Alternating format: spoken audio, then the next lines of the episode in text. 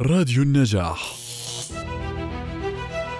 ازدهر دور المرأة في سوق العمل خلال العقود القليلة الماضية نتيجة عدة عوامل سمحت لها بإثبات نفسها في مختلف مجالات العمل كمعلمة، طبيبة، مهندسة أو غيرها من المهن. فخلال الخمسين عام الماضية شهد العالم زيادة كبيرة في مشاركة المرأة في جميع مجالات العمل.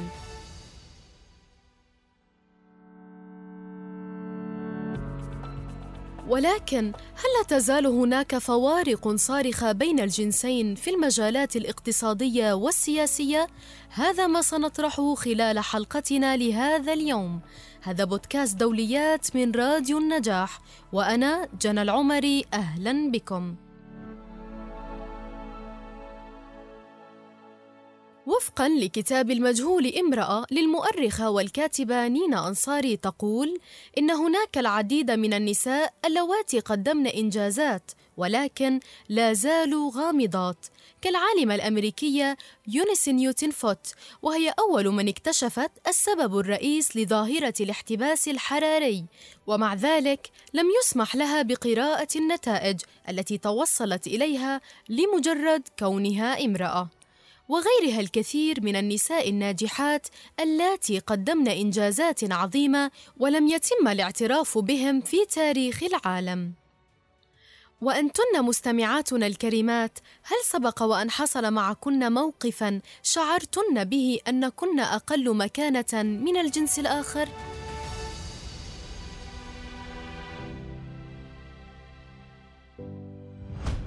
كنا بالمدرسة ف كنت قاعدة بجاوب مع المعلمة الطبيعي آه، لف علي آه، شاب من الموجودين من الصف إحنا كنا مختلطة آه، ف طلع علينا نظرة استهزاء.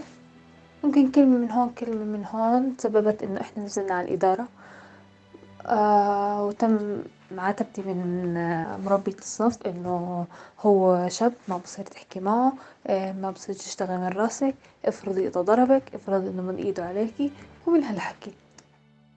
عنا البنات أول ما يكبروا يوعوا خلاص ممنوع يطلعوا بعد المغرب ممنوع يطلعوا بالليل لحالهم. والشباب إنه عادي يطلعوا ويتأخروا بالليل يسهروا عادي ما في مشكلة. مع إنه الخطر بكون على الشاب وعلى البنت لو كانوا خايفين أو فبحس إنه هذا فيه تمييز بين الأنثى والذكر. نوع التخصص اللي كان راح ممكن أدرسه في الجامعة فكانت هناك بعض المعارضات طبعا من الأهل على إني أكون محامية أو آه، أدرس في تخصص الشرطة.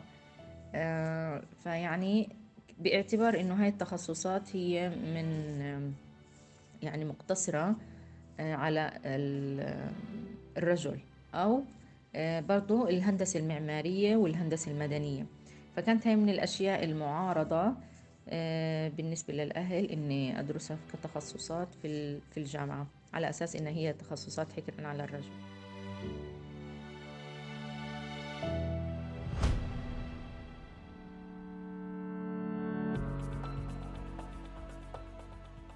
يحتفل العالم باليوم العالمي للمرأة في الثامن من شهر آذار من كل عام، حيث ظهر هذا اليوم لأول مرة كنتيجة لأنشطة الحركات العمالية في مطلع القرن العشرين في أمريكا الشمالية وجميع أنحاء أوروبا.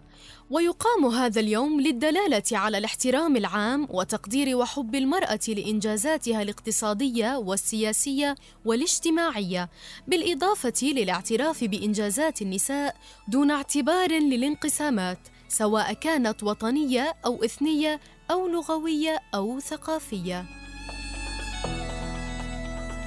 كثيرة هي قصص إنجازات المرأة التي نفتخر بها، وكثيرة أيضا العقبات التي علينا أن نتخطاها معا نساء ورجالا. لنتحدث أكثر عن أهمية المساواة بين الجنسين وعن مفهوم الحركة النسائية، يسعدنا أن تكون معنا مؤسسة مبادرة الحركة النسوية في الأردن والناشطة في مجال حقوق المرأة الأستاذة إيمي داوود. أهلا وسهلا بك أستاذة إيمي بداية أستاذة حدثينا عن الحركات النسوية الموجودة في الأردن وما هي آلية العمل؟ بداية الحركة النسوية الأردنية لها تاريخ عريق وطويل جدا من النضال النسوي فهي بلشت أساسا من استقلال الأردن شاركت في طرد المستعمر وتأسيس لدولة قانون حديثة مستقلة هي لم يقتصر نشاطها على الأردن فقط إذ أنه شاركت أيضا في نضال الرفيقات العربيات في بلاد الشام وخصوصا أيضا في فلسطين. برز فيها أسماء عظيمة مثل السيدة سميحة المجالي زوجة الشهيد هزاع المجالي والتي ترأست وفدا دعا الملكة زين الشرف لتعديل قانون الانتخاب الخاص بالمرأة. إذ كانت المرأة آنذاك تحرم من التصويت والمشاركة السياسية إن لم تتجاوز سن الثلاثين عاما. بالفعل تم تعديل ذلك ومن بين الداعمين لحقوق المرأة أيضا كان الشهيد وصف التل. وأسماء أخرى عظيمة جدا يعتبرها المجتمع الأردني مثلا له. بعد ذلك ظلت الحركة النسوية تسير على خطى حثيثة إلا أن الأوضاع الأمنية والسياسية في الأردن كانت آنذاك مضطربة فهذا أدى إلى تجميد عمل الجمعيات النسوية امتثالا لأوامر الدفاع وحالة الطوارئ في ذلك الوقت وهذا ما أدى إلى تراجع قوة الحركة النسوية إلى الاقتصار على دعم ظروف المرأة الخاصة مثل المطلقات والأرامل والفقيرات والغارمات وضحايا النزاع المسلح. أستاذة إيمي ما هي نقطة الوصل بين جميع الحركات النسوية في الأردن؟ حقيقة اللي بيميز النضال النسوي عن بقية الحركات أن النضال لا ينبع من وجه أيديولوجي أو سياسي أو طائفي أو حزبي هو ينبع من آلام الضحايا فكل النساء وإن كان اختلفت نسب معاناتهن هن عانين بما فيه الكفاية ليقفن دفاعا عن حقوقهن فالمرأة إذا ما انولدت في عائلة ذكورية وهذا شيء شبه مستحيل فإنها لن تنجو من المجتمع. وإذا نجت من المجتمع وهذا أيضا مستحيل فهي لن تنجو من الأنظمة والقوانين الذكورية. لذلك ما يوحدنا هو أننا جميعا تجرعنا الكأس ذاته والمرارة ذاتها لذلك أصبحت هناك لغة تفاهم مشتركة بيننا كنساء أننا جميعا نريد الخلاص. باعتقادك أستاذة كيف تؤثر العادات والأعراف المجتمعية على المساواة بين الجنسين من وجهة نظرك؟ للأسف العادات والتقاليد لا زالت تؤثر على مفهوم المساواة بشكل كبير جدا لحد الآن المجتمع العربي بشكل عام والمجتمع الأردني خصوصا يرفض تعبير المساواة بين الجنسين رغم أنه يقبل تعبير المساواة بين مختلف الأعراق مختلف الأديان لكن عندما يتعلق الأمر في موضوع حقوق المرأة تجديد الجميع يتفلسف ويتحدث ويفتي ويعلق ويبتكر حجج غير منطقية لتبرير التمييز ضد المرأة. وشارك في ذلك للأسف سياسيون وكتاب وأدباء وعلماء ورجال دين وهذا ما جعل المنظومة الذكورية دائما متينة وصعب التخلص منها. إنه غير إنها سلوكيات مجتمعية وغير إنه رجال القانون شرعوها بأنفسهم بما يتعارض مع حقوق المرأة هم أيضا رسخوا هذا الفكر في أجيال وأجيال. وأكبر مثال على ذلك هو ما حدث في الثمانينات ولا زال يحدث حتى اليوم عندما طرحت السيدة رنا الحسيني وغيرها من الناشطين فكرة محاربة جرائم اللا شرف في المجتمع. كان هناك هجوم كبير جدا وحتى فترة التسعينيات يعني وما بعدها حتى أحزاب سياسية مثل حزب العمل الإسلامي عندما طالبت الحركات النسوية آنذاك ولا زالت حتى اليوم تطالب بالكف عن الاستعمال الأعذار المخففة لقتلة النساء وجعل هناك ثغرة في القانون بحيث ينجو قتلة النساء. وطالب باعتبار هذه الجرائم قتل النساء أنها جرائم قتل عمد كما هي حقيقة هي جرائم قتل عمد. نتفاجأ بأنه ظهر إلينا الإسلاميين اللي أساسا جرائم الشرف حرام ومجرمة في الإسلام ظهروا يدافعون عنها. وعن هذه العقوبات بحجة أنها تمس الهوية وأنا لا أعرف كيف ممكن أنه جريمة ما أو منع وأنا لا أعرف كيف يمكن أن يكون منع جريمة ما مس مساسا بالهوية المجتمعية، إذا كان هناك في جريمة فهي تبقى جريمة سواء عملتها على الأرض، عملتها على القمر، عملتها بالشرق بالغرب هي جريمة. ولا شيء يبررها، لا نصوص مقدسة، لا أفكار مهترئة أكل عليها الدهر وشرب، ما في أي شيء بيبررها.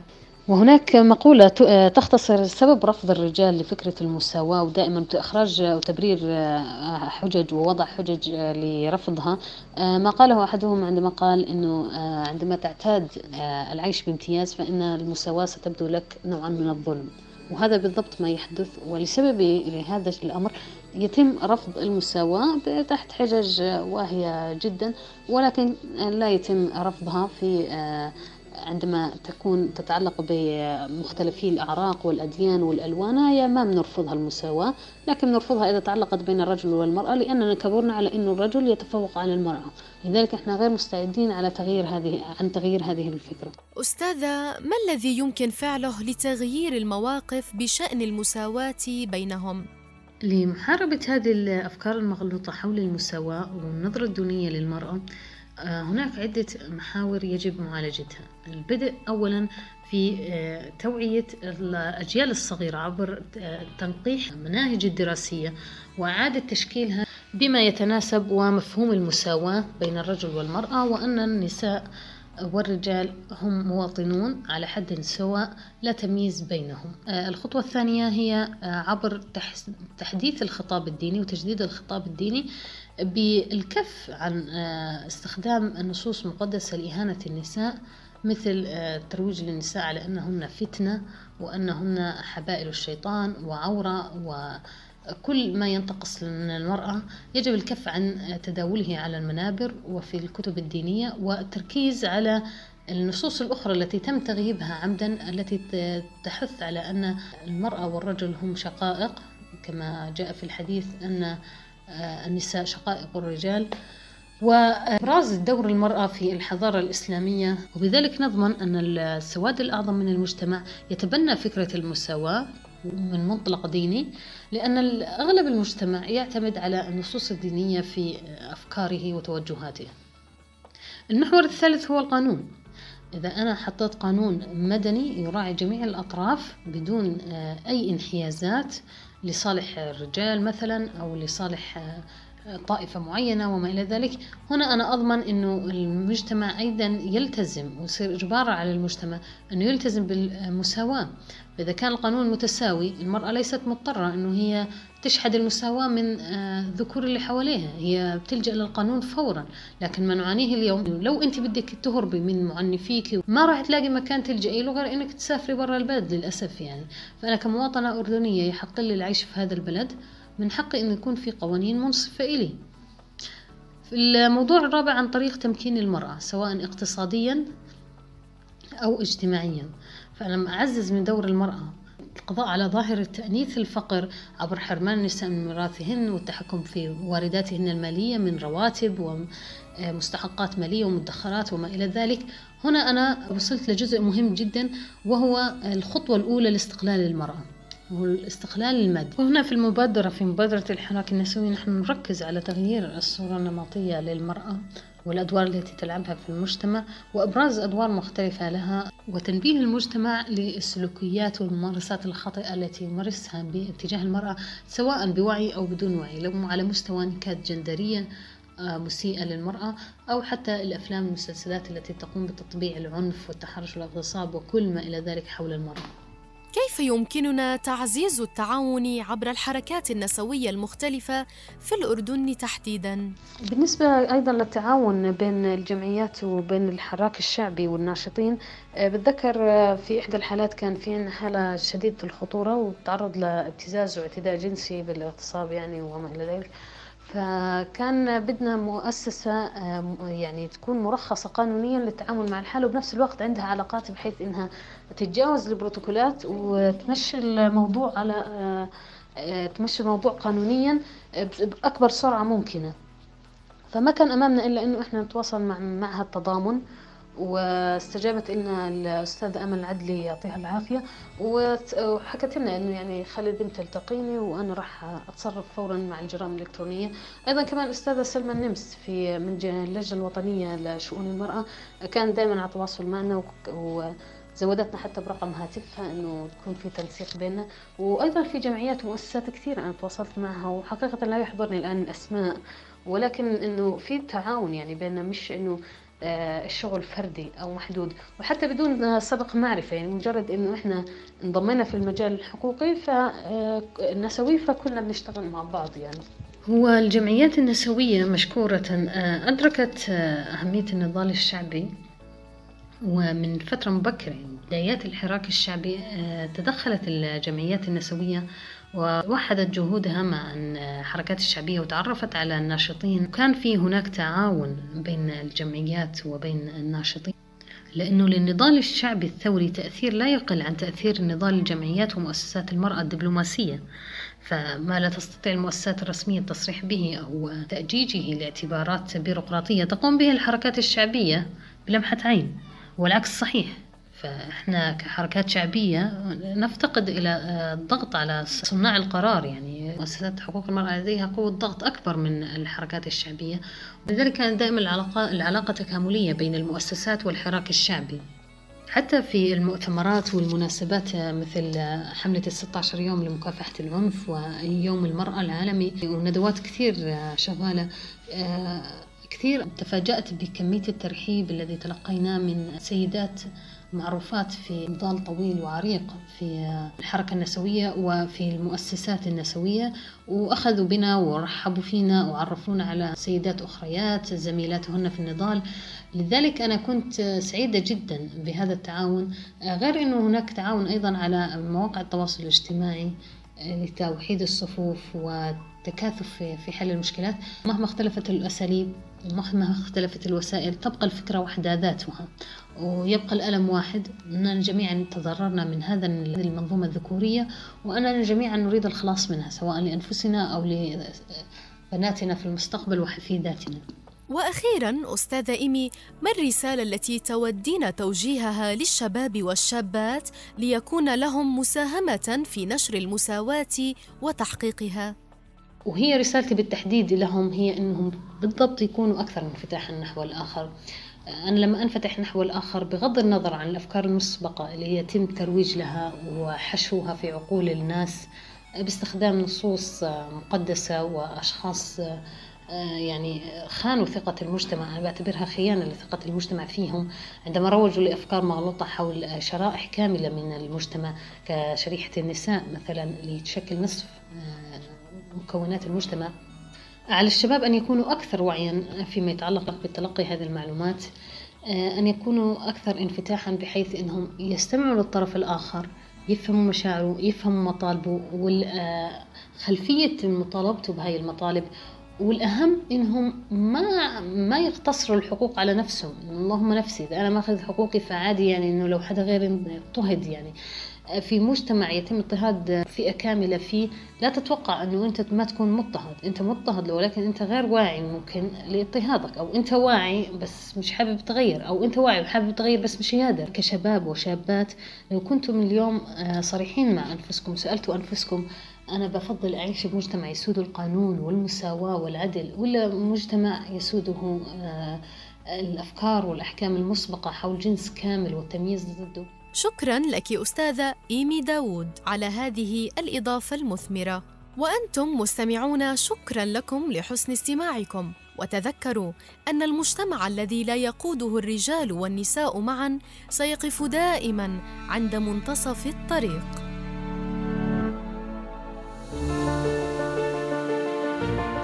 لا تنسوا الاستماع لنا عبر المنصات التالية SoundCloud Spotify و Google Podcast وعبر موقعنا على الإنترنت النجاح dot net كان هذا بودكاست دوليات كل التحية والحب. لكم مني أنا جنى العمري. كنت معكم من الإعداد والتقديم.